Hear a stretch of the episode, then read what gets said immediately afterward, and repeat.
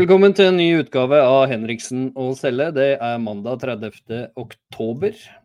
Hjertelig velkommen. Eh, hvis du har lyst til å støtte oss, lyst til å bli med på laget, så går du til konservativt.no. Melder deg inn og sørger for å bli med på laget.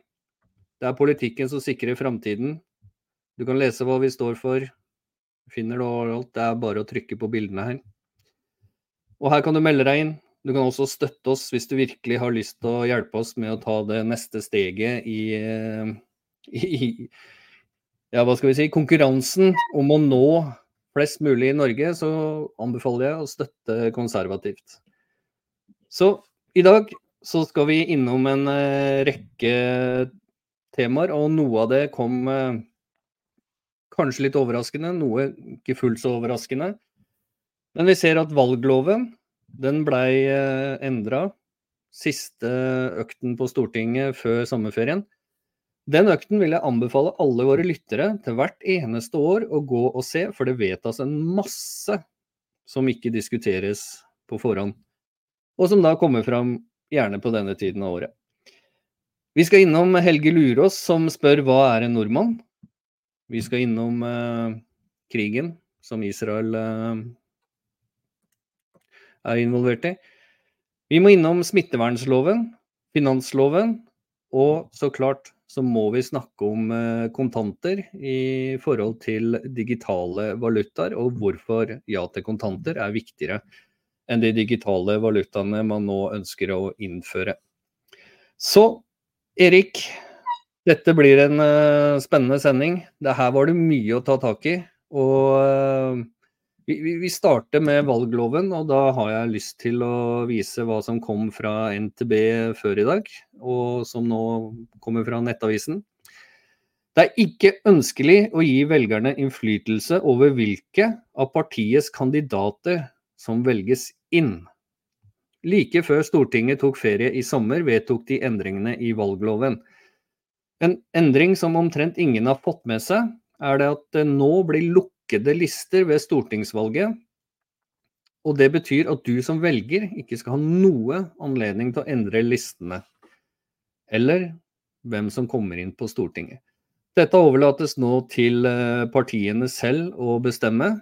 Og når vi da vet hvordan eh, partiene fungerer, hvis vi ser til Arbeiderpartiet og diverse saker som har vært der opp gjennom tiden, og allerede, altså selv den dag i dag uh, utspiller seg i media, så er jo dette en svekkelse av demokratiet, hvis du spør meg. Eller hva tenker du, Erik? Nei, Hvis dette kom i dag, så er jo det en innskjerping av eh, det som ble vedtatt i 2003. Eh, for da ble kravene da måtte, da måtte, over halvparten av alle velgerne foreta det samme krysset eller strykningen for at det skulle få innflytelse på stortingslisten. Eh, og det, det, var så effektivt at eh, før i verden så lå det sånne små blyanter i eh, stemmeavlukket sammen med listene, hvor man, det var en del, del, av demokratiets idé å oppfordre velgerne til å stemme på kandidater, slik vi ser i lokal- og fylkesvalget. Og det, det er jo helt spesielt at stortingspartiene eh, fremdeles ønsker at man kan eh, Altså man, man, erkjenner det demokratiske aspektet ved at velgerne ikke bare stemmer på partier, men stemmer på personer. Men så fjerner man den muligheten totalt ved stortingsvalg. Og det betyr at vi har to ulike hva skal jeg si, demokratiske prinsipper mm. som ligger til grunn eh, på ulike forvaltningsnivåer. Eh, og det eh, bør man redegjøre for hvorfor. Eh, og det er vel liten tvil om at mange av de personene som nå har vist seg at de ikke er til å stole på, er jo i partitoppene.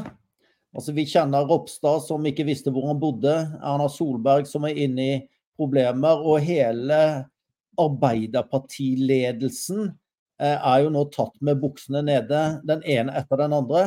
Så det er klart at det er jo de mest kjente politikerne som nå representerer den mistilliten som øker i befolkningen til den politiske eliten. Eh, og mens man snakker om at vi må gjøre alt for at tilliten til det politiske systemet skal være til stede, noe jeg er helt enig i, at det bør iverksettes tiltak for at ikke eh, vi går trett av demokratiet fordi vi rett og slett mister tilliten til systemet ved de som innehar maktposisjonene, så burde det jo gått motsatt vei. Man burde jo gått tilbake og likestilt stortingsvalget med kommune- og fylkestingsvalg, slik at den som får flest kryss på stortingslisten, er den som får plass på Stortinget. Og den som får flest stryk, ryker rett ut, selv om han står på listen. Vi trenger å styrke folkestyret i Norge. Vi trenger å styrke tilliten til systemet. Vi trenger å la velgerne føle at de har en reell innflytelse på hvem som representerer dem på Stortinget. Og da er dette feil vei å gå. Og det, er ganske oppsiktsvekkende, gitt at de siste året har vi sett politikere måtte ta sin hatt og gå. Pluss at det henger fremdeles store spørsmål rundt nå Vestre, Brenna, eh, Solberg eh, og alle de som vi ikke lenger husker navnet på, som har måttet gå eh, de siste årene. Ja, og det føyer seg inn i en eh, ja, i et mønster som har vært eh, de siste 10-20-30 årene, der mer og mer av makta skal sentraliseres. altså Man ser det også på lokalt nivå, man ser det på nasjonalt nivå og man ser det på, på verdensnivå. Og Det er en utvikling som eh, bekymrer meg veldig, når man da sentraliserer makt på få hender. Og, og igjen, altså Jeg ser på dette som en uh, endring med å fjerne makta fra deg som velger, oss som velgere, til noen få mennesker innad i et parti. Altså, ja, og vi må, vi må, også forstå hvor lite miljø, altså hvor lite Norge er. Ikke sant? Eh, ikke sant? Og hvor, hvor, små disse maktmiljøene er. Altså, jeg tror ganske mange ble litt sjokkert når lederen av Økokrim plutselig ja. burde være inhabil i forhold til utenriksministeren og hennes mann. Altså, en tidligere statssekretær er plutselig sjef for Økokrim. Altså, får du ikke en toppjobb i Norge uten å være på godfot med Arbeiderpartiet eller Høyre-toppene? Um, og vi ser også en trend at man inngår store internasjonale forpliktelser uten å spørre velgerne overhodet. Altså Den siste folkeavstemningen vi hadde, var om EU i 94. Og det har vært mange store saker som burde vært lagt ut til folkeavstemning fordi partiene ikke har avklart hva disse avtalene innebærer, eh, konsekvensene for nasjonen og hva de enkelte partiene står for. Vi kan ta FNs migrasjonsplan. Vi kan ta nå en besynderlig eh, skue i NRK-debatten om suverenitetsavståelse til Verdens helseorganisasjon. En organisasjon som er ledet av en etiopisk marxist og fundet av Bill Gates, som nå eier mesteparten av matjorden i USA. Det er ganske skremmende konsentrasjon av makt på få hender. Eh, og eh, både statssekretæren og eh, den fagansvarlige ble drevet fra skanse til skanse i NRK-debatten om Eh, prinsippene rundt åpenhet kontra hemmeligholdelse i disse prosessene. Eh, og det er klart at hvis du har politikere som har en agenda som går på tvers av folkets interesse, da er det jo selvfølgelig eh, et snedig trekk å sørge for at velgerne ikke kan kvitte seg med de politikerne som fremforhandlet FNs migrasjonsplan kan kvitte seg med de politikerne som åpenbart ikke engang ønsket en debattert i Stortinget. Kan kvitte seg med politikere som går bak ryggen på folket og skal avgi suverenitet til en privat institusjon globalt, som får direkte eh, fullmakter over norsk lovgivning. Det burde være slik at hvis eh, de som er med berettigelse skeptisk til World Economic Forum, ikke ønsker en tidligere direktør som en sentral norsk politisk leder, så burde velgerne kunne stryke han på valglisten. Dette vil jo være det beste eh, kvalitetssikringsmekanismen mellom parti og velgere som finnes. Vi har to folkeavstemninger om nei til EU. Så har vi altså sentrale politikere i alle partier som jobber aktivt for EU-medlemskap og maksimal tilpasning til EU. Samtidig så har vi partier i de ulike partiene som er skeptisk til EU, og som ønsker å styre etter retningslinjene fra folkets eh, avstemninger i nasjonal folkeavstemning. Da sier det seg selv at det burde være folket som kan stemme på hvem som skal representere dem. For det er en underlig situasjon at vi har altså et massivt flertall fremdeles i folket mot EU.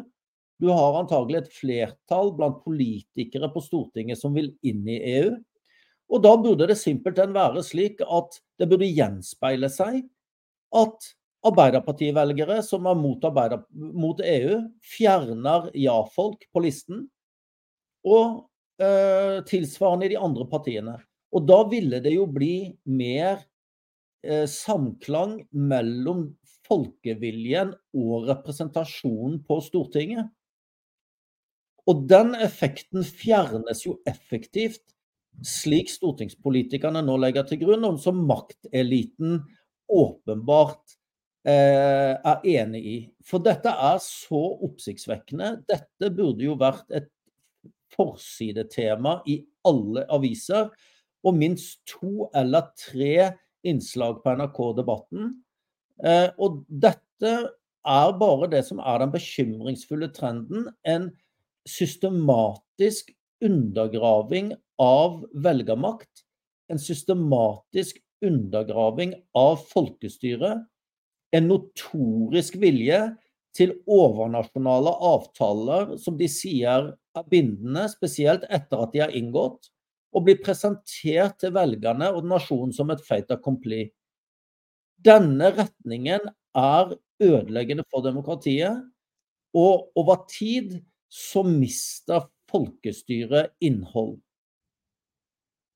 Ja, altså de mister legitimiteten sin over tid.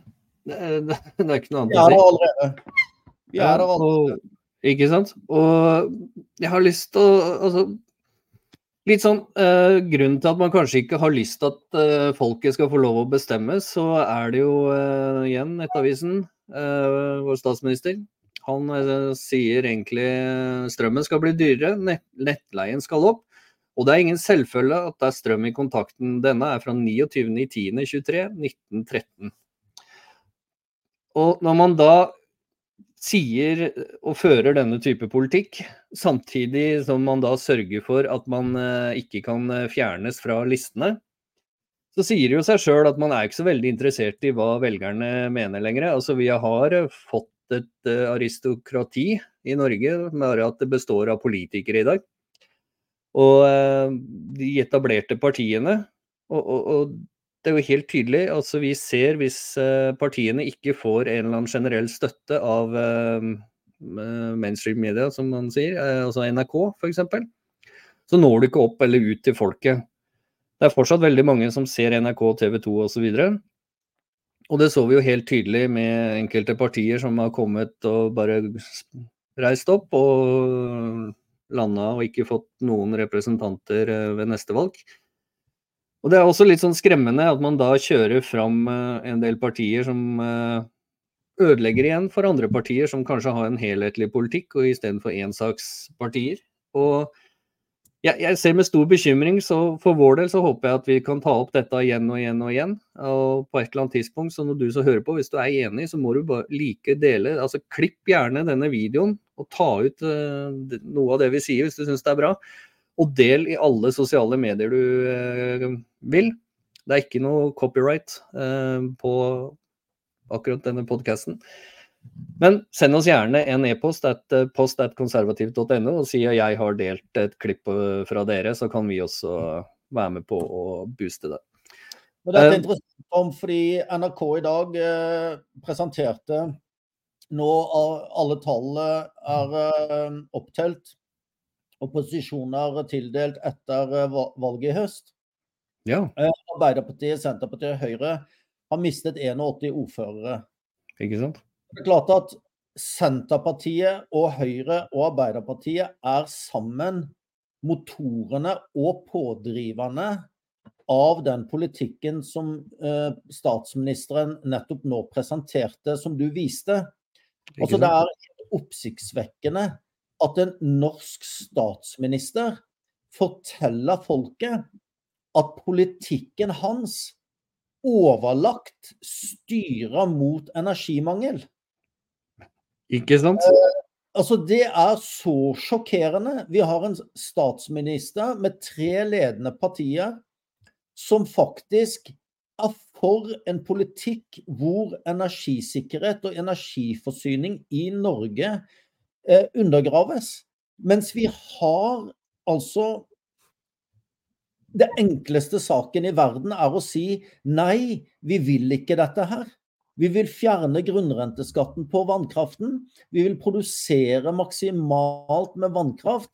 Vi vil etablere atomkraft slik som Finland har gjort, og som Frankrike nå gjør, for å få billig, miljøvennlig, ren og trygg kraftproduksjon i Norge med forsyningssikkerhet i 100 år.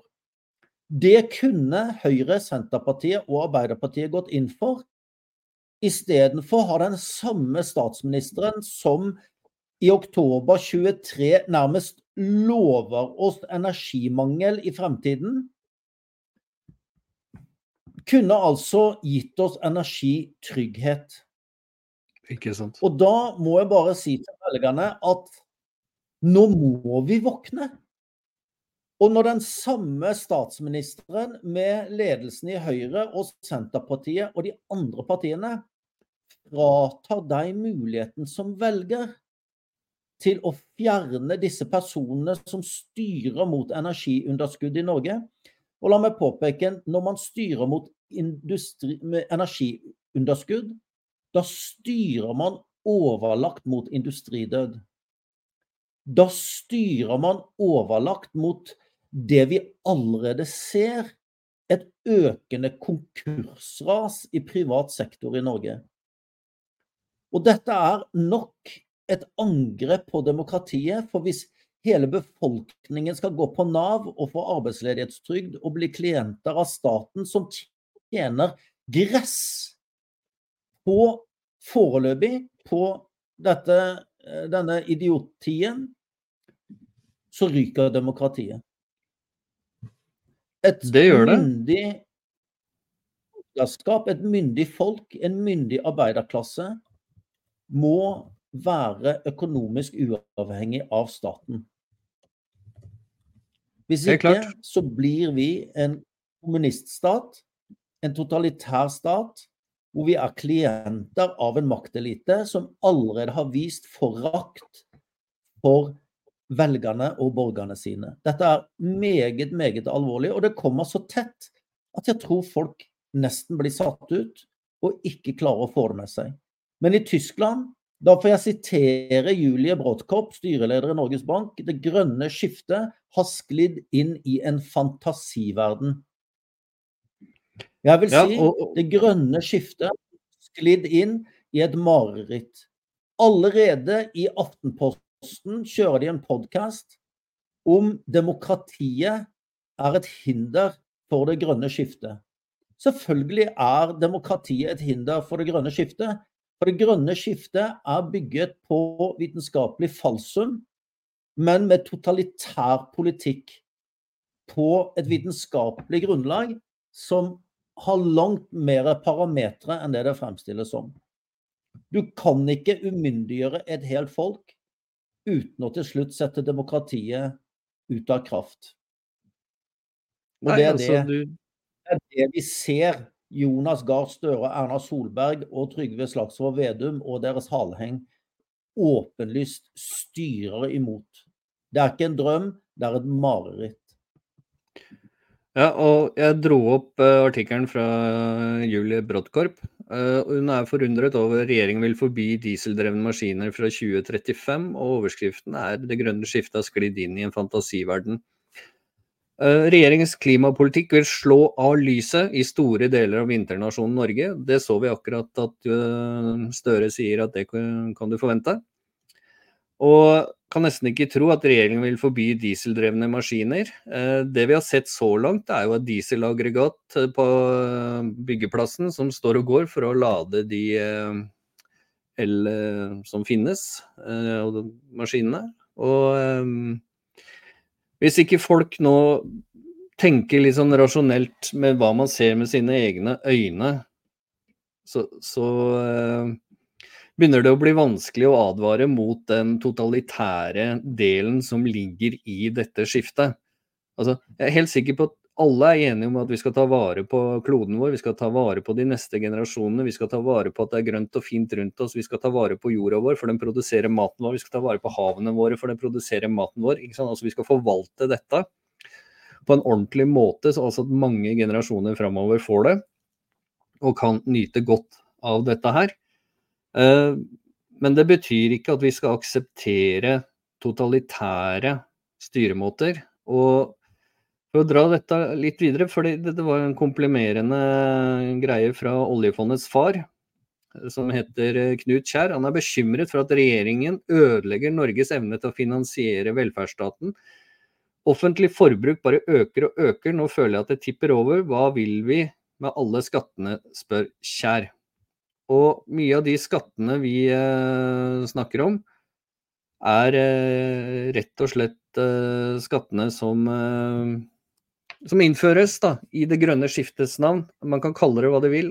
rapporten som var nå, så kalte man det klimarapporten som kom ut en enorm skremselspropaganda, samtidig som det fantes andre rapporter som sier at vet du hva, ta det rolig, dette har skjedd uh, før i verden, vi har ikke gjort noen ting, enda så skjer det ting. Altså, vi har ikke klart å påvirke det nok i henhold til modellene fra IPPC. Og allikevel så, så kjører politikerne på dette med at uh, nå, nå, går verden under. Uh, kjære ungdom som lytter på, verden går ikke under, jeg kan trøste dere med det. Vi kan ikke avvikle olja. Det er ikke noen måte å gjøre det på.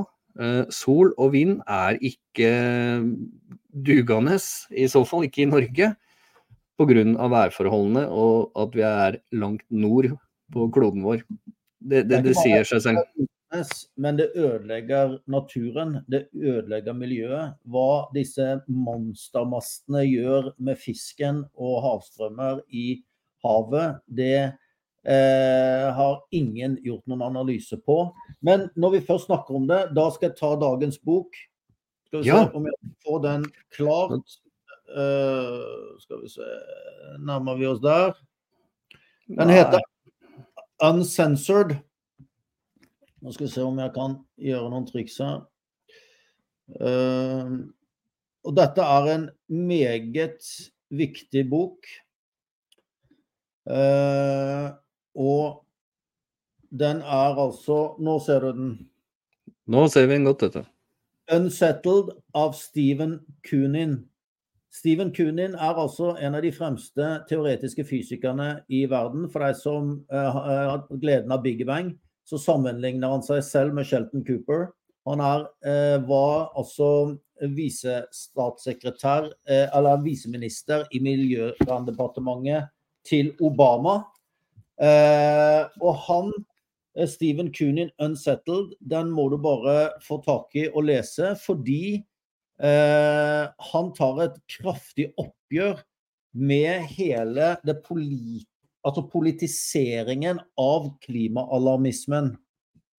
Eh, og hvis du trenger et eh, har lyst på et faglig dypdykk i hvorfor klimapolitikken til Jonas Gahr Støre er katastrofalt og en feilslutning ifra FNs klimapanel sammen med Erna Solberg, så skal du lese Stephen Kunin.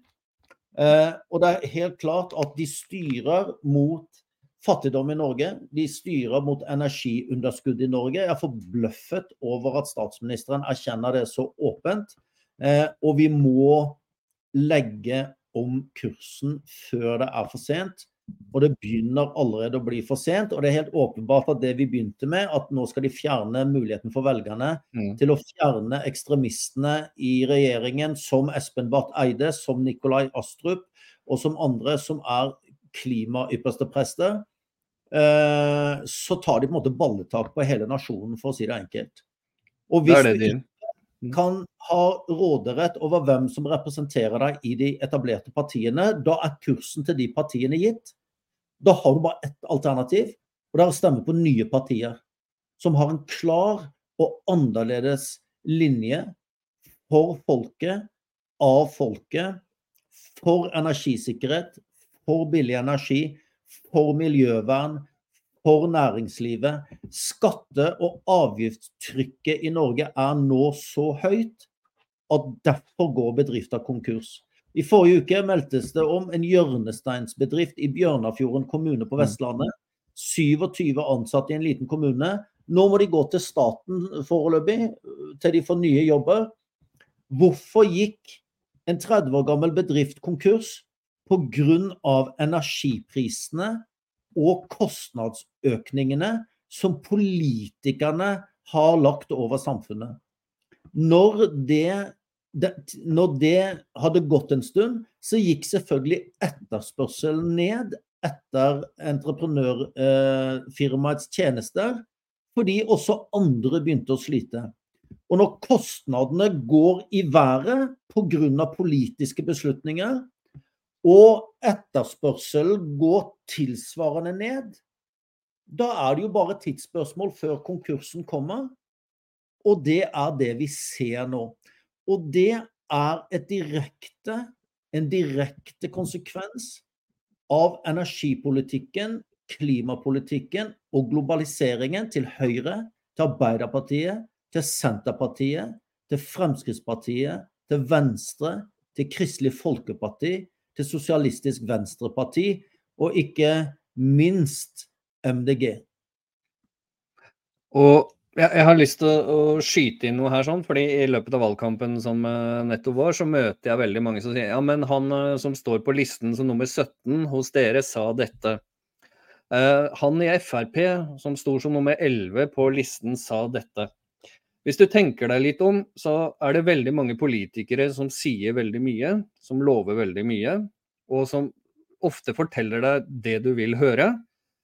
Og så står de veldig langt ned på listene. Med denne loven som vi begynte hele dagen med, så kommer disse aldri inn. De er da et politisk alibi for de som da ønsker den politikken som vi ser føres nå, og har vært ført de siste to regjeringsperiodene. Så ikke la deg lure av partiene heller. Sjekk nøye.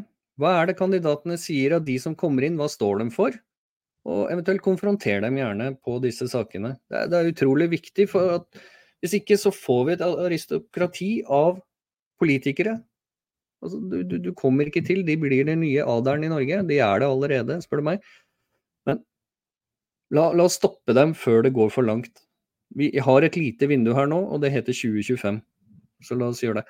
I den forbindelse så kommer det også flere nye ting. Det var akkurat en høring angående endringer i finansloven, og den eh, går på at uh, skatteetaten bl.a. skal få direkte tilgang til bankkontoen din. Og hvis du da tenker over dette samtidig som vi ser at enkelte banker har innført uh, digitale pengeenheter, Eh, så skal eh, staten da få tilgang til bankkontoen din. Og da er en advokat i Fend advokatfirma, Ann Johnsen, som sier er det greit at skatteetaten får direkte tilgang til bankkontoene dine. Hvis du synes en slik informasjonsflyt blir litt i overkant av hva du er komfortabel med, bør du kjenne din besøkelsestid og skrive til Finansdepartementet hva du synes om dette. Nå gikk den fristen ut i dag, hvis jeg forsto det riktig, Erik. Og ja, og myndighetene og bankene har utviklet en teknisk løsning som gjør det mulig for offentlige etater altså Legg merke til ordet offentlige etater, dvs. Si at det er flere etater enn bare skatteetaten. Det vil si ditt lokale Nav-kontor, det vil eh, si din eh, Hva enn du kommer borti i offentligheten, så skal de da kunne ha tilgang til kontoen din. Og hvis du da går over til digitale penger, og du ikke følger det du lover, så har du plutselig ikke noe du skal ha sagt. Dette er skremmende, Erik.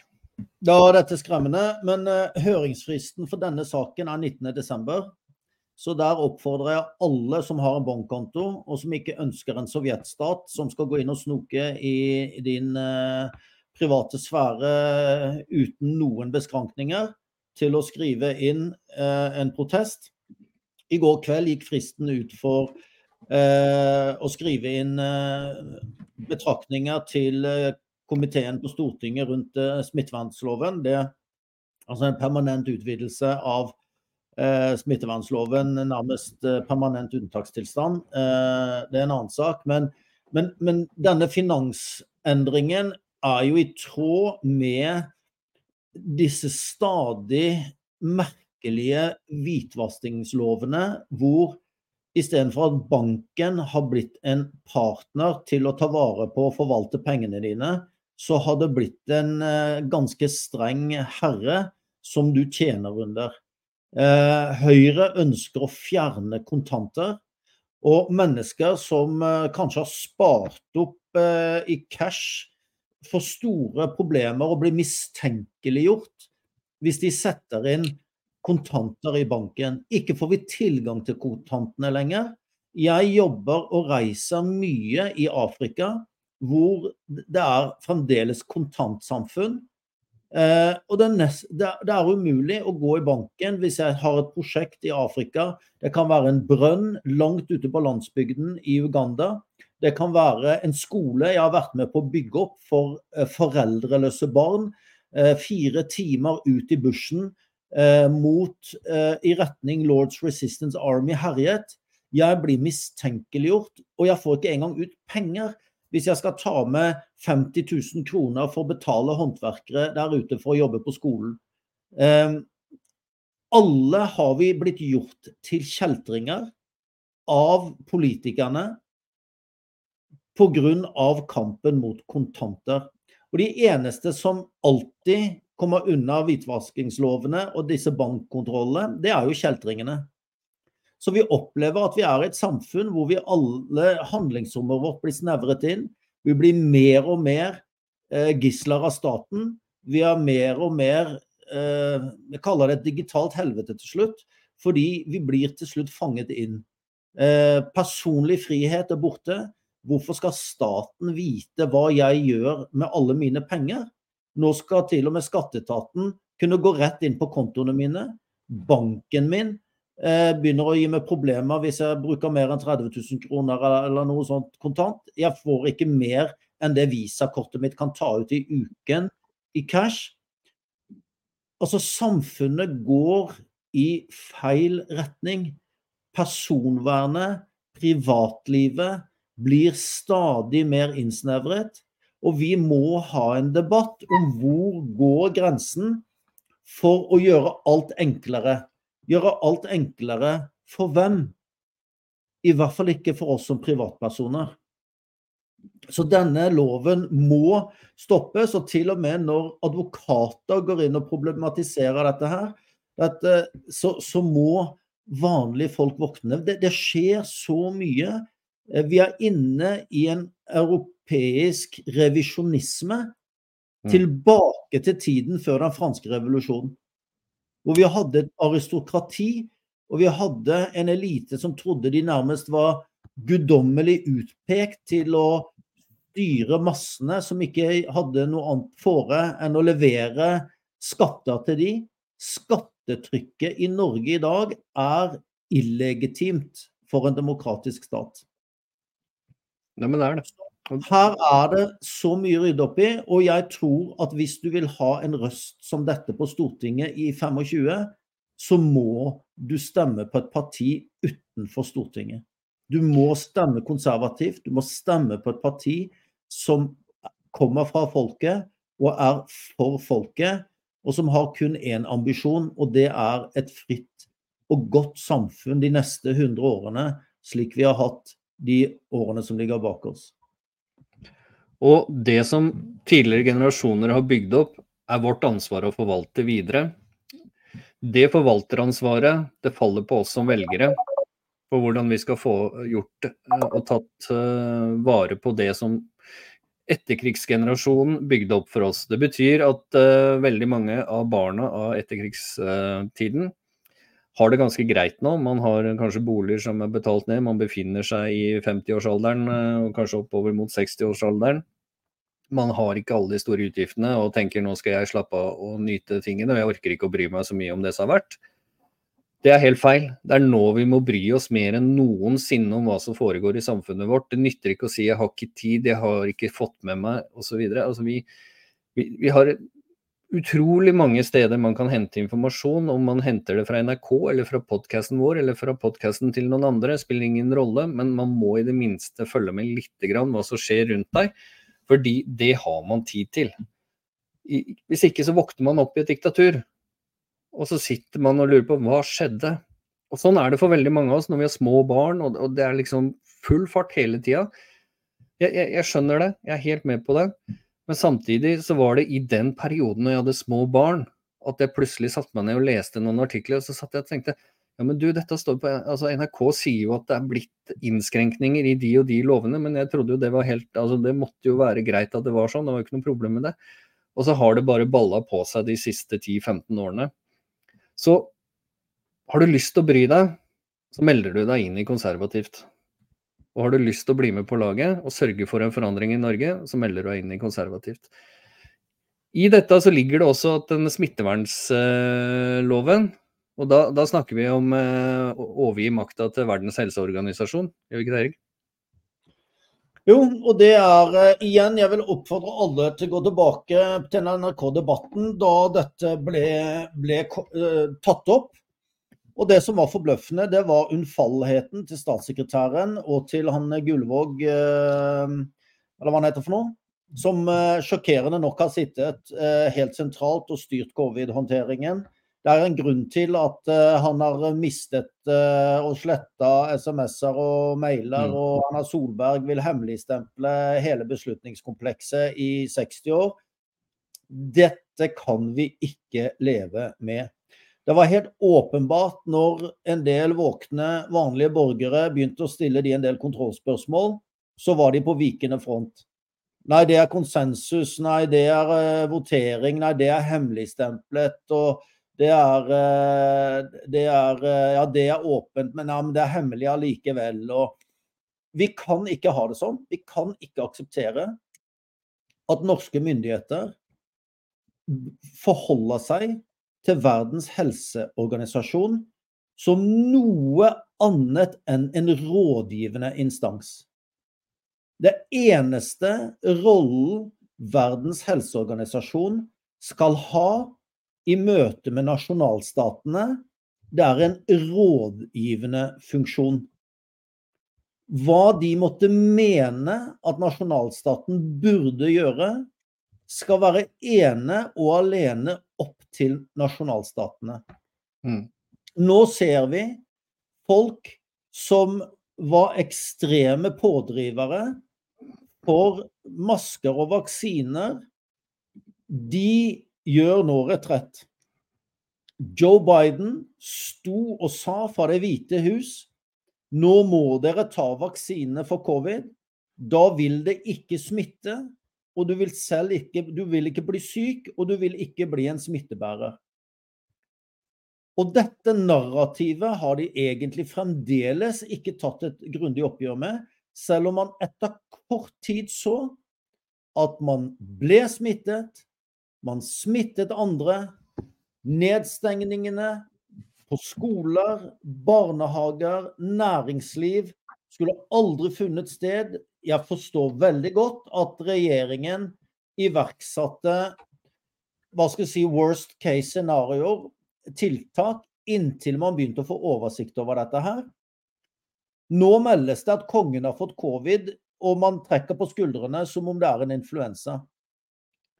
Noe der. Den, den eh, refleksjonen burde vært gjort relativt kort tid etter nedstengningene. Og hele det globale scenarioet vi så, som har kostet millioner av mennesker store lidelser. Ungdommer har fått ødelagt skolegang, psykologisk stress. Vi så angiveri i samfunnet vårt av naboer som anga naboer fordi det var én for mye, trodde de, i en leilighet. Samtidig som politikerne åpenbart igjen ikke var så nøye med det, med fester på Geilo og i Downing Street. Man kunne altså fylle opp en restaurant, bare ikke det var for mange av samme gruppe på samme bord, men hele restauranten var smekkfull. Mm. Altså en hel del idiotiske regler som noen burde tatt ansvaret for, og som ikke gjøres. Og da har jeg lyst til å minne på Anders Hellebust, boken vi har uh, anbefalt her før, med rett til å varsle. Er du overhodet interessert i våre påstander om en maktelite som ikke lenger står ansvarlig overfor folket, så skal du kjøpe Anders Hellebust sin bok med rett til å varsle. Eh, der står det bl.a. at granskingskommisjoner oppnevnt av regjeringen ofte er bestillingsverk, og det kommer bare ut det man ønsket skulle komme ut. Det vi ønsker og krever, det er at hemmeligholdelsen til Erna Solberg og Jonas Gahr Støre rundt beslutningen av covid-håndteringen skal settes til null år, så vi kan ha fritt innsyn. Vi trenger noe Wikileaks i norsk offentlighet, hvor vi kan gå inn og se det selv. Og når ja. denne Gullvåg plutselig har mistet e-mailer og SMS-er i en så alvorlig situasjon, så burde han gå av. Men altså, det, det som stusser meg rent uh, teknologisk, da. Det, det, har det samme har skjedd i Danmark med, med ministeren, statsministeren der, som mista 200 SMS-er bare sånn uten videre. Men hvis du er under etterforskning av uh, f.eks. Uh, finansbiten av uh, enheten da, i Norge, under politiet, så klarer de også å finne fram SMS-er fra 5, altså 5, 10, 20 år tilbake i tid, som du har sletta, du har bytta mobiltelefon, og du har til og med bytta SIM-kort osv. Men når det kommer til regjeringens håndtering av forskjellige ting og litt sånn betente saker der man kanskje ikke vil innrømme at man tok en feil Altså det er ingen som blir sint hvis man går ut og sier vet du hva, Basert på informasjonen vi fikk, så bomma vi. Vi gjorde en feil, vi overdrev, det gikk altfor langt. Vi ser at det er fullt mulig å få tak i all denne informasjonen.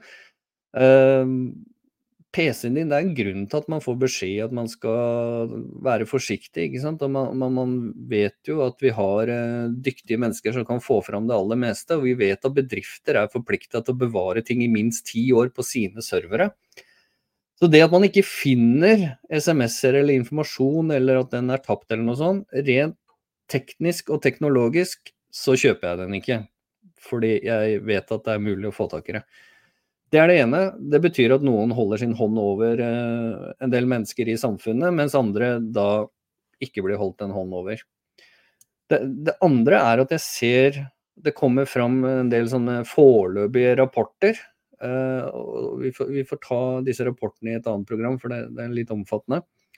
Men jeg ser at de knytter en del bieffekter. Vi ser også at uh, på eh, X, Twitter, så var det en som la ut avtalen mellom uh, Pfizer og Moderna med et land, der man kan lese svart på hvitt hva regjeringer måtte godta da, eh, angående sikkerheten og tryggheten til eh, forskjellige vaksinevarianter som ble sluppet løs i samfunnet. Og så ser man i dag at eh, det finnes en korrelasjon mellom enkelte utgaver og enkelte sykdommer som da kommer eh, over tid. Altså alt dette tjener vi på hvis vi er åpen og ærlig om alt dette her. Da slipper vi det mm, ofte man kaller meg konspirasjonsteoretiker når jeg, tenker, sier disse tingene. Fordi hvis vi kan snakke åpent og ærlig om det, så er det ingen grunn til å bli sint. Altså, det er menneskelig å feile. Det er lov å ta feil. Det er lov å, å, å se at vet du hva, den informasjonen jeg fikk, jeg blei faktisk litt lurt, jeg også. Jeg gikk fem på. Her var det noen som kanskje ikke hadde rent mel i posen, og som solgte inn noe fantastiske greier til meg som jeg trodde helt og holden på. Og jeg skjønner godt, jeg befant meg og jeg har lyst til å fortelle denne historien, jeg skal være veldig kort. Jeg befant meg i Thailand når dette skjedde. Vi Vi havna på sykehuset, kona ramla og ødela beinet, så vi måtte på sykehus. På sykehuset så sitter en kar og hoster. Han hoster så fælt at lungen holdt på å ramle ut. ikke sant? Hørtes det ut sånn for meg. Jeg sitter da og leser samtidig på mobilen min at vet du hva, nå er det noe covid og noe greier osv. Og, så og da tenkte jeg ok, dette høres ikke bra ut. Og så kommer det inn et par til da, som har fått uh, lungebetennelse. Og det høres absolutt ikke bra ut. Så jeg skjønner den første reaksjonen hos veldig mange mennesker i 2019 Uh, der man blei litt sånn uh, redd. I Norge så kom jo ikke dette for mange mange måneder seinere. Men akkurat der og da så kunne jeg forstå at man blei sånn bekymra for det. For når man satt der og hørte på en del ting, så hørtes det helt forferdelig ut. Og så blei vi smitta, og så visste vi at uh, dette gikk jo greit. Og så kommer vi hjem, og så ser vi liksom krigsoverskrifter en tre, fire, fem måneder etterpå. Etter å ha vært igjennom dette her. Og, og man fikk ikke lov å prate om det, man fikk ikke lov å dele historiene sine, man fikk ikke lov å sette spørsmål med ting, ting ble hemmeligstempla, som Erik sier, osv. Alt dette her gjør at man blir skeptisk til de menneskene i makta. Og det faller da tilbake at nå føler de trykket såpass mye at istedenfor å gå ut og si vet du hva, det er noen feilvurderinger av oss, så dobler man ned, og så stenger man mulighetene for folk til å være med og delta i en åpen, ærlig og redelig diskusjon rundt alle disse temaene. Og igjen, det, det, finnes måter å løse dette på. Det heter å tenke utafor boksen og stemme på partier som er utenfor Stortinget. I denne biten også så eh, skal vi en tur innom eh, Hva er en nordmann? Og da har vi lyst til å spille en eh, video fra Helge Lurås. Og den er på rundt to minutter, så eh, da setter vi den i gang. Hva er en nordmann? Det er i hvert fall ikke en person som har oppholdt seg tre år i Norge og som har fått statsborgerskap, og som opprinnelig kommer fra et av områdene i det som nå er Palestina. Det krever mer for å være nordmann, men skal vi tro norske medier, så er det nordmenn. Det befinner seg 200 nordmenn i Gaza nå, skriver de. Det får de også utenriksministeren til å si. Men det er ikke nordmenn. Det er norske statsborgere, det kan vi gå med på. Ellers så er de stort sett palestinere, arabere. Og de ser på seg selv på den måten også. Det er rett og slett villedende å kalle mennesker som ikke engang snakker norsk, men som har fått opphold her pga. asyl, fordi de angivelig ble forfulgt i sitt eget land, for nordmenn før de i hele tatt snakker norsk, mange av dem. Det krever mer for å være nordmenn. Det krever også at man har en viss kjennskap til norsk kultur, norske verdier, og endog oppfører seg på en viss måte. Mange av oss vil ha bodd her og ha forfedre som har bodd her i mange generasjoner. Det er ikke det nødvendigvis en, et krav. Absolutt kan du ha brun hudfarge, du kan være adoptert og være nordmann, god som noen. Og jeg vil si også at mange av de som har innvandra, har klart å tilegne seg så mye av, av det norske at man vel med litt godvilje kan kalle dem nordmenn. Men sånn som norske medier holder på nå, det gjelder VG, det gjelder NRK, det gjelder TV 2, det gjelder Nettavisen, å kalle de norske og enda verre nordmenn, og stille krav om hva som skal da skje i forhold til at vi skal redde dem og Utenriksdepartementet skal bruke ressurser på dem, er helt uhørt. Det er rett og slett villedende, og det er ment å føre til handling skape sympati. Men det er simpelthen ikke en korrekt beskrivelse av det som skjer. Vi skal absolutt hjelpe, men eh, vi må hjelpe på en riktig måte. Og det Man kan må stille seg spørsmålstegn ved hvorfor disse menneskene har reist tilbake igjen og oppholder seg, altså 200 av dem, mens de har fått opphold, asyl, i Norge, angivelig fordi de var forfulgt. Jeg ser ikke egentlig noen annen måte å få slutt på det her på, enn at dere sier fra til de mediene det dreier seg om, eller bedre, det er kanskje det eneste som hjelper, det er faktisk å slutte å lese dem. Slutte å klikke på sakene deres. Gå heller inn andre steder og få nyhetene deres. Da vil de få kalles føtter og kanskje begynne å rette seg etter det som er Har han rett, Erik? Ja, han har 100% rett. Og det er helt igjen, det er, det er forbløffende at ikke flere stiller det samme spørsmålet som det eh, Helge Lurås her gjør. Eh, det er jo en politisk uttalelse eh, å kategorisere Det var jo det samme i Sudan. Det var, det var, var det 100 eller 200 nordmenn, norske, i Sudan da mm. krigen brøt ut der også. Eh, jeg tror ikke de egentlig selv identifiserer seg som norske. De identifiserer seg som palestinere eller sudanesere med norsk pass. Og det er klart at Dette begynner å bli en utfordring for, eh, og burde bli en utfordring for oss i Europa. Eh, tallet på mennesker som søker opphold i Europa Jeg pratet her forleden med en tilsynelatende veldig integrert eh, person fra en fjernkulturell eh, kontekst som var mer fornøyd med det iranske regimet enn han var med Amerika og Norge. Det er klart at Da har vi et uh, betydelig problem. Eh, og den, uh, det som har skjedd bl.a. nå i Tyskland med sin nazistiske historie, som de har tatt et oppgjør med Jeg tror ikke det fins noe folkeslag på jorden som har tatt et slik oppgjør med en mørk fortid som det tyske folk. Tyskland burde være et eksempel på hvordan man tar et oppgjør med en ond ideologi som fikk feste i nasjonen for en periode. Erdogan sitter og tøffer seg i Ankara, er ansvarlig for en kultur som begikk folkemord på armenerne. Han omtaler nå folkemord i Gaza, men nekter å erkjenne at de drepte halvannen million armenere på noen få måneder eh, for 100 år siden. Eh, vi har eh, en rekke slike tilfeller, og i Tyskland forbyr man nå støttedemonstrasjoner til Hamas. Man ville forbudt støttedemonstrasjoner til nazismen. Og det er klart at hvis vi tar inn mennesker som er innom Norge for å få et pass, og så reiser tilbake til der de angivelig flykta fra, eh, så må asylinstituttet revurderes. Og vi må også få kontroll på eh, økonomiske immigranter, som eh, Harald Forsli har skrevet en veldig interessant bok som heter 'Mot sammenbruddet'.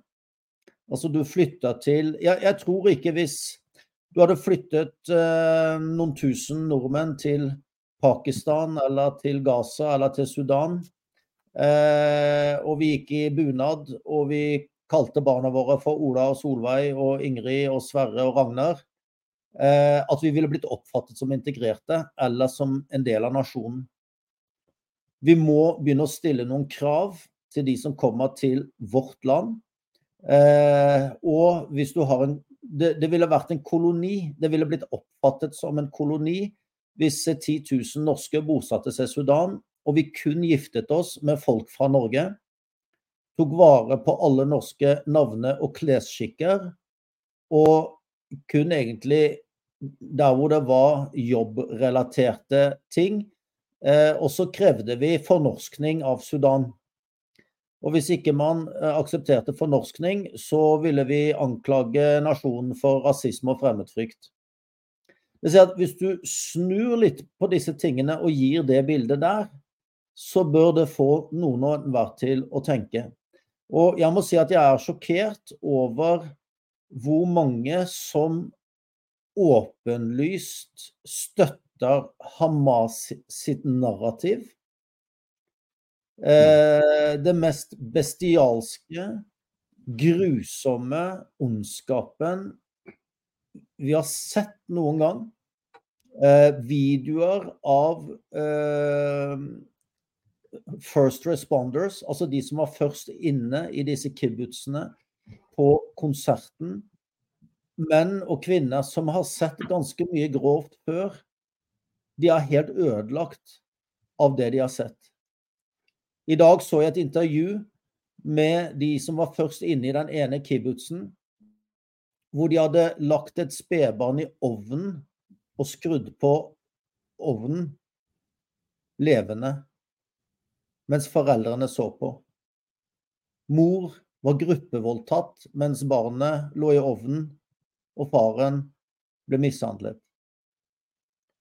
Altså Grunnen til at du har Erik Stefansen i Nettavisen som snakker om folkemord i Gaza, så er det fullstendig feil bruk av ordet folkemord. Helt fullstendig feil. Det sier til og med Norges utenriksminister. Men grusomhetene som jødene ble eksponert for, og innvandrere, altså fremmedarbeidere, og inkludert befolkning fra Gaza som jobbet på disse kibbutzene. Grusomt. Og nå snakker jeg med før, før, før, du går videre, så skal vi, vi skal vise en av de tingene som skjedde første dagen. Så at folk får en forståelse av hva er det vi snakker om. Dette er første dagen. Det er eh, stedet der disse ungdommene befant seg og festa. Og legg merke til hvordan de gikk gjennom og utførte terrorhandlinger. ما عندش اطلاق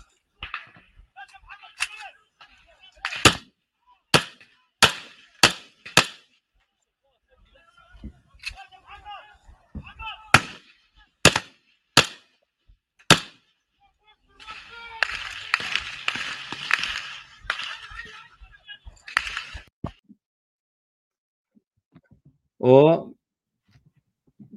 dette er eh, Hamas som har lagt ut sjøl. Eh, man er i et åpent, stort område. Det finnes nesten ingen plasser å rømme. Toalettene er kanskje et av stedene. Kanskje noen er der. Og man bare skyter. Og så kommer de historiene du snakker om i tillegg, Erik. Og eh, oppi dette her skal vi også vise hva Barth Eide, vår nye utenriksminister, sier. Folkemord er noe litt annet, og jeg tror ikke det er så lurt å kaste det begrepet rundt. Så kjære Palestina-komiteen, kutt ut. Si sånn. Så kommer det fram i dag. Men Tom, så, før yes. vi drar inn i det, så vil jeg bare avslutte. For, for um, selv om det var lett å gå over i dette med tanke på disse som er i Gaza, så har jeg bare lyst til å avslutte eh, Helge Lurås sitt innspill atskilt fra det som skjer i Israel. Eh, fordi at eh, Poenget hans er helt uavhengig av hva som skjer i Israel, så er poenget hans helt korrekt. Eh, vi, vi, må, vi, må, stille krav til de som skal bli norske borgere. vi må faktisk ha noen måltall for integrering. og vi må faktisk vurdere kriteriene for asylinstituttet fordi, hvis, som jeg sa, hvis du kommer innom Norge helt uavhengig av hvor du er hen, og drar rett tilbake med et norsk pass til de du kom fra, så er det altså flere land i Europa, Sveits, som sier at hvis du drar tilbake til der du flyktet fra med et sveitsisk pass, så mister du passet. For det er en grunn til at du søker om beskyttelse. Det er en grunn til at du søker om asyl nettopp fordi at ikke du kunne bo der du kom fra. Og I tillegg så må vi se på, på innvandringen. eh, igjen. Eh, så dette er et stort sakskompleks.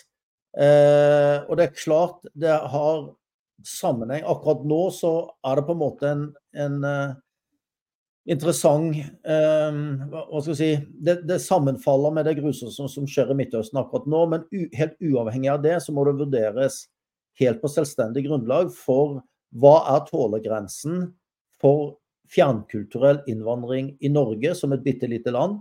Hva er tålegrensen for migrasjon til Europa? Uh, og når verden står i flammer, hvordan skal man håndtere eh, globale flyktningeproblemstillinger? Og der er det prinsipielle, som Carl I. Hagen ble så veldig utskjelt for, men som Arbeiderpartiet og andre har kommet etter. Prinsippet er at man må løse flyktningeproblemer nærmest der det skjer. Derfor ønsker vi, mener konservativt, at det er rett for Norge, f.eks. Pol og Tyskland, å ta et betydelig ansvar rundt ukrainske flyktninger. For da er jo det, begynner det å komme i vårt nærområde. Hvis det hadde blitt en stor konflikt i Sverige, så ville det vært helt naturlig for Norge å tatt imot svenske og danske, finske flyktninger f.eks. Dette er jo ikke noe nytt under solen og i historien. Men dette viser i grunnen viktigheten av å få på plass noen internasjonale prinsipper hvor, eh, hvor eh, flyktningeproblemer håndteres nærmest der hvor de oppstår. Men med denne organisasjonen som vi kaller FN, så bør man jo kanskje også begynne å stille krav til en del regjeringer i forhold til hvilken politikk de fører i forhold til sitt eget folk. Du har land med søkkrike ledere, land som eksporterer enorme kvanta med olje og verdier, og pengene kommer så å si ikke tilbake til vanlige folk. Hvilken internasjonal mekanisme har vi for å stille krav til disse lederne, istedenfor å akseptere at FNs migrasjonsplan legger til grunn at migrasjon er nærmest en menneskerett. Les alle skal få lov til å komme til Europa som vil det. Vi ser hva som skjer i USA nå med grensen mot Mexico som de overhodet ikke har kontroll på. Det er klart, det er ikke nødvendigvis mors verste, beste barn som bruker disse mulighetene. Og det ser vi jo i Europa. Eh, med drap og vold i gatene våre.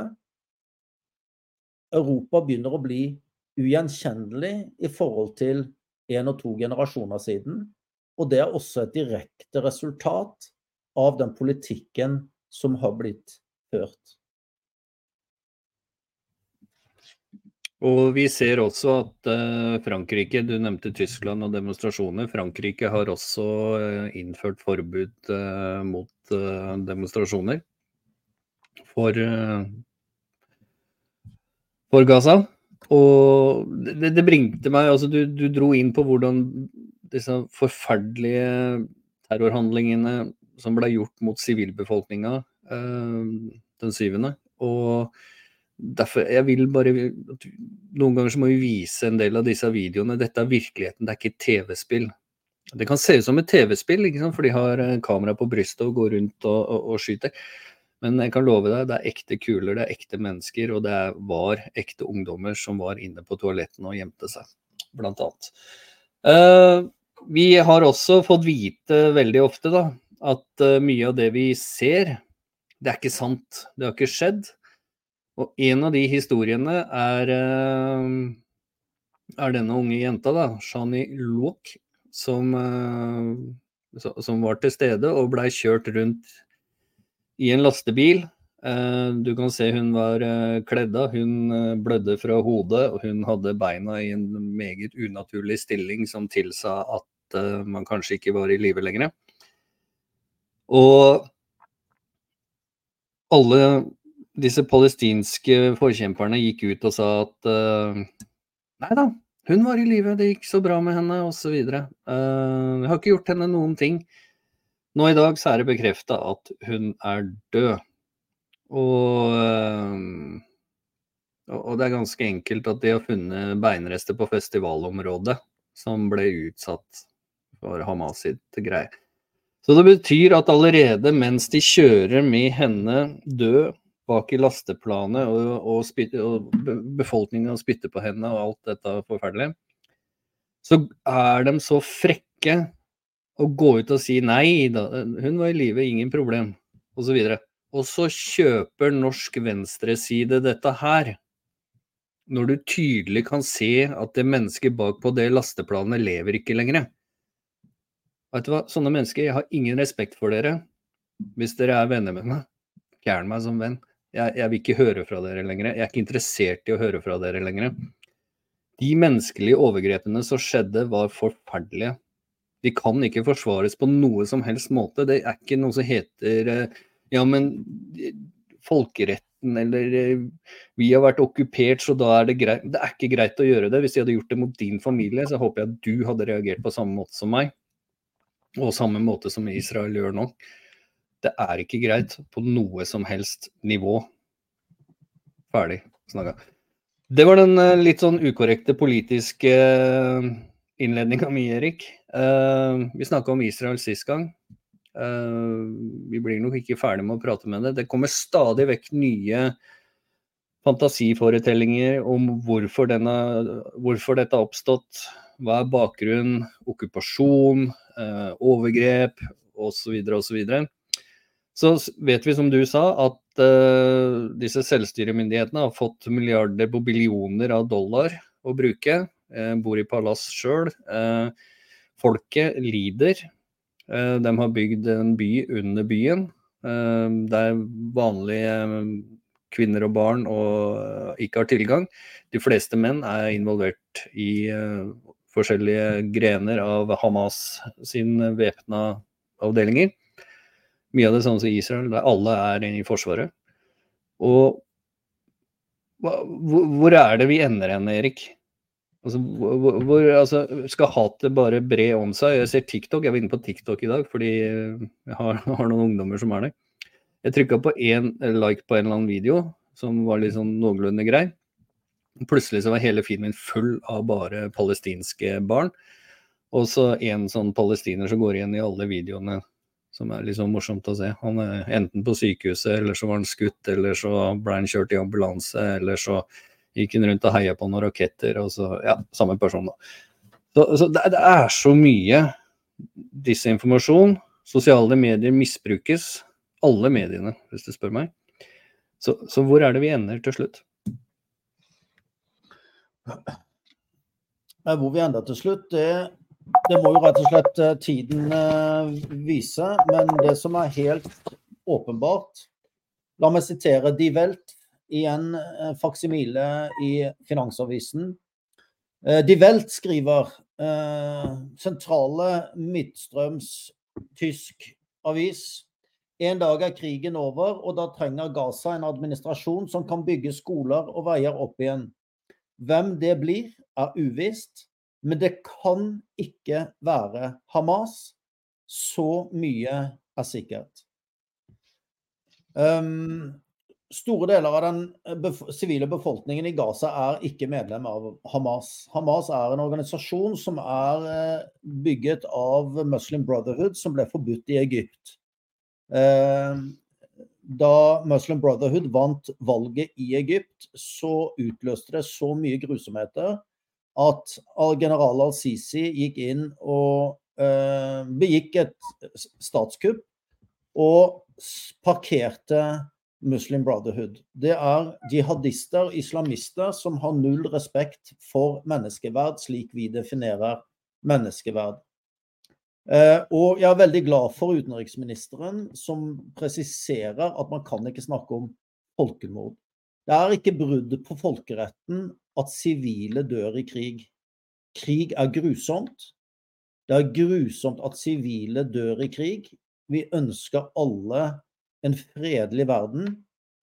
Men det er altså ikke brudd på folkeretten at sivile dør i krig. Og proporsjonalitet, det handler ikke om at Hamas først drepte 1500, så da kan bare 1500 dø når Israel svarer proporsjonalitet her er at Israel eliminerer trusselen for at noe slikt noen gang skjer igjen med sivilbefolkningen som lever på grensen til sine naboer.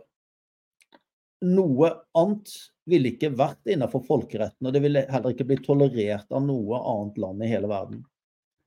Det som er ganske skremmende, det er når folk som Erik Stefansen i Nettavisen går rundt og ut og bruker begrepet folkemord da har han nettopp spilt den fiolinen som Hamas har regissert for folk som han å spille. For først går de inn og begår mer enn en massakre, altså en massakre, en krigshandling, utelukkende rettet mot sivile. Eh, på en så bestialsk og ondskapsfull måte som knapt nok IS presenterte. Og så vet de at Israel kommer til å jage dem. Og da bruker de De plasserer sivilbefolkningen mellom seg selv og de som kommer for å straffe dem. De har hovedkvarteret sitt under Shifa sykehus i Gaza bruker UNRWA-skoler og andre sivile, ikke-stridige bygninger og gjør det til militære legitime mål ved sin tilstedeværelse. Israel er det landet i verden som går til ekstremiteter, til ekstreme midler, for å beskytte sivilbefolkningen i Gaza. De beskyttet sivilbefolkningen i Jenin da de måtte renske Jenin for Islamic Jihad, som hadde tatt eh, rett og slett et fotfeste der. De sender meldinger til sivile for å komme bort, for nå kommer rakettene. De har noe som de kaller 'knocking on the roof'. Dvs. Si at de sender en dummy-rakett som banker på taket, sånn at folk skal få tid til å komme seg ut før de eliminerer det målet. Så har du altså Hamas, som hindrer mennesker å komme ut av faresonen. Vi har videoer hvor Hamas og Islamic Jihad skyter raketter og har samlet kvinner og barn og sivile rundt rakettutskytningsstedet. Og Hamas har det som heter CNN-doktrinen. Altså la sivilbefolkningen lide og dø, så vi kan vise verden det på CNN. Da vil de glemme det vi gjorde, og så vil vi få sympati. Og det er akkurat det som nå skjer. Det som FN burde vedtatt en resolusjon på, det som alle de som kaller seg palestinavenner, burde gått ut og krevd, det er jo at i alle disse milevis med tunneler som er full av sement og betong, som de har fått gjennom Israel for å bygge sivil infrastruktur, der burde de beskyttet sin egen sivilbefolkning med mat og vann. De burde selv sørge for å fjerne sivilbefolkningen fra der de hadde tenkt å møte IDF til strid. Det er den folkerettslige måten å kjempe på. Eh, så hvorfor stiller man ikke krav til Hamas? Jeg er palestinavenn. Jeg vil se befolkningen i Gaza leve uten Hamas. Da jødene trakk seg ut i 2005, så forlot de blomstrende eksportbedrifter. Palestinerne har fått mer penger fra det internasjonale samfunn per capita enn noen annen befolkningsgruppe i historien. Gaza kunne i dag vært et Singapore Eh, det kunne vært eh, et blomstrende sted hvor, eh, hvor alle levde i fred og trygghet. Men de har gjort det om til en røverhule, til et regime som forfølger sine egne med grusomme virkemidler. Akkurat nå så foreslår jeg følgende. Verdenssamfunnet, palestinavennene, krever at alle fangene, alle de kidnappede, settes fri. Hamas prøver nå å spille et spill hvor dømte terrorister og fanger i det israelske fengselet skal byttes mot holocaust-ofre som ble tatt på sine gamle dager tilbake i et nytt holocaust. Eh, babyer og barn som sitter uten foreldre. Hele familier. Unge kvinner som ble voldtatt på veien og mishandlet og slått, er der disse sivile fangene må løslates uten noen kriterier. Hver eneste dag skytes raketter inn i Israel. Hamas og Islamic Jihad skyter hver eneste dag raketter inn i Israel. Og det er kun pga. luftvernet, Iron Dome, at sivilbefolkningen i sentrale og sørlige Israel er beskyttet. Når man klager på rakettskytingen inn i Gaza, så bør man samtidig kreve stopp i rakettskytingen inn i Israel. Hamas utførte ikke en massakre 7. til 10. oktober som nå er avviklet. De startet en krig som pågår hele dagen, hele døgnet fremdeles. Raketter ble skutt ned, fyrt fra Shia-militiaen i Jemen. Den landet i Egypt, så nå er Egypt i fyr og flamme for hvorfor de skyter raketter på Egypt. Og Hizbollah har startet krigføring fra nord med raketter og angrep på Kiryashmona og andre byer i nord. Så FN vedtar altså en resolusjon som krever stans eh, i skytingen uten å nevne Hamas. Det betyr at de antageligvis krever at Israel skal stanse jakten på Hamas, mens Hamas fremdeles skyter raketter mot Israel som blir stanset av Iron Dome. Man må kreve at alle de 2500 Hamas-operatørene som utgikk, begikk massakre, skal utleveres til Israel for en straffedomstol.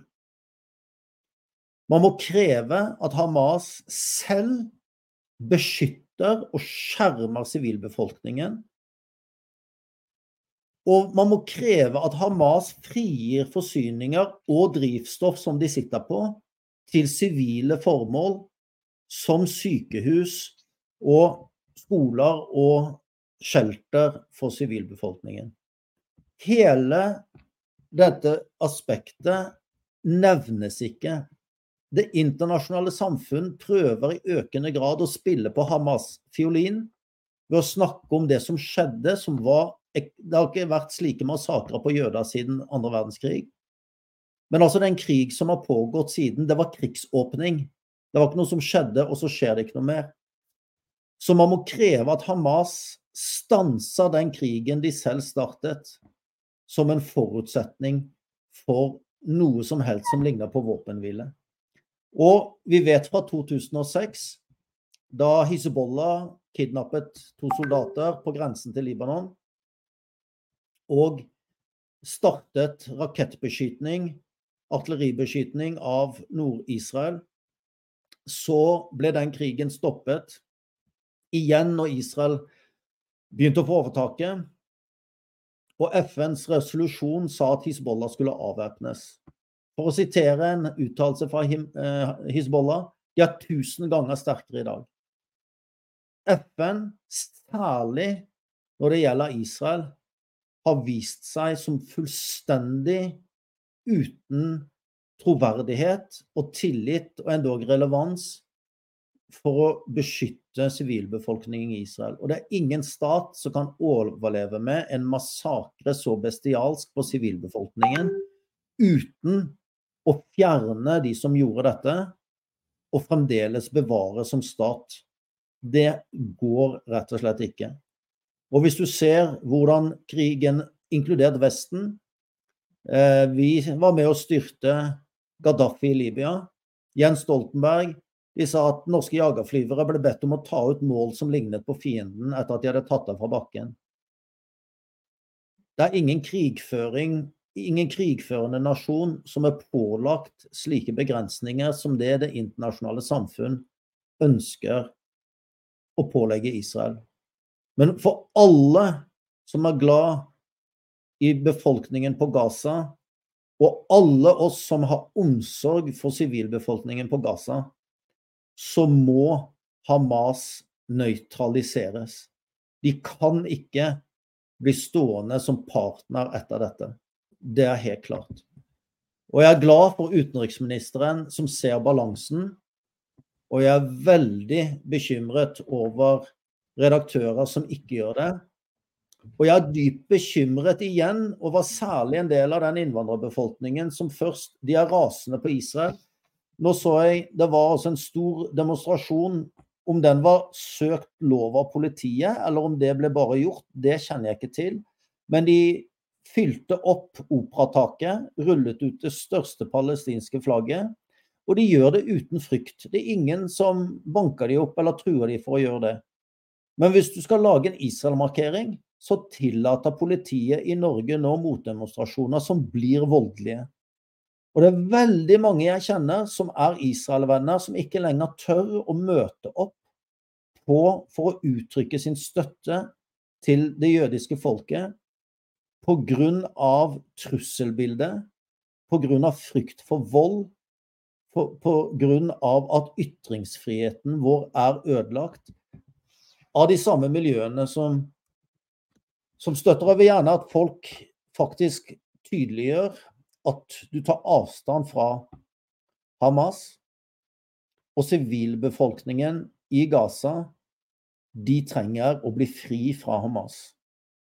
De har ingen rolle lenger overhodet i denne konflikten. Og de er støttet av Iran. De har en proxy her sammen med Hizbollah og sjiaene i Jemen og sjiamilitsen som nå terroriserer i Irak. Og dette er det det internasjonale samfunnet må adressere. Dette er det Nettavisen må adressere. Og dette er jeg veldig glad for at jeg tror faktisk utenriksministeren vår ser bildet. Og det lar vi være siste ord i dagens utgave av Henriksen og Selle. Vi takker for at du har vært med oss så langt. Eh, lik, del, kommenter. Send gjerne kommentar i innboksen eh, på Twitter. Jeg bruker Twitter mye mer enn alt annet. Eh, gode ideer, tanker, saker vi bør ta opp osv. Kanskje dere ønsker å lage et klipp. Og, så videre, og trenger å spørre om ting. Send meg en liten melding i innboksen på Twitter. På gjensyn alle sammen, og takk for at dere fulgte oss i dag.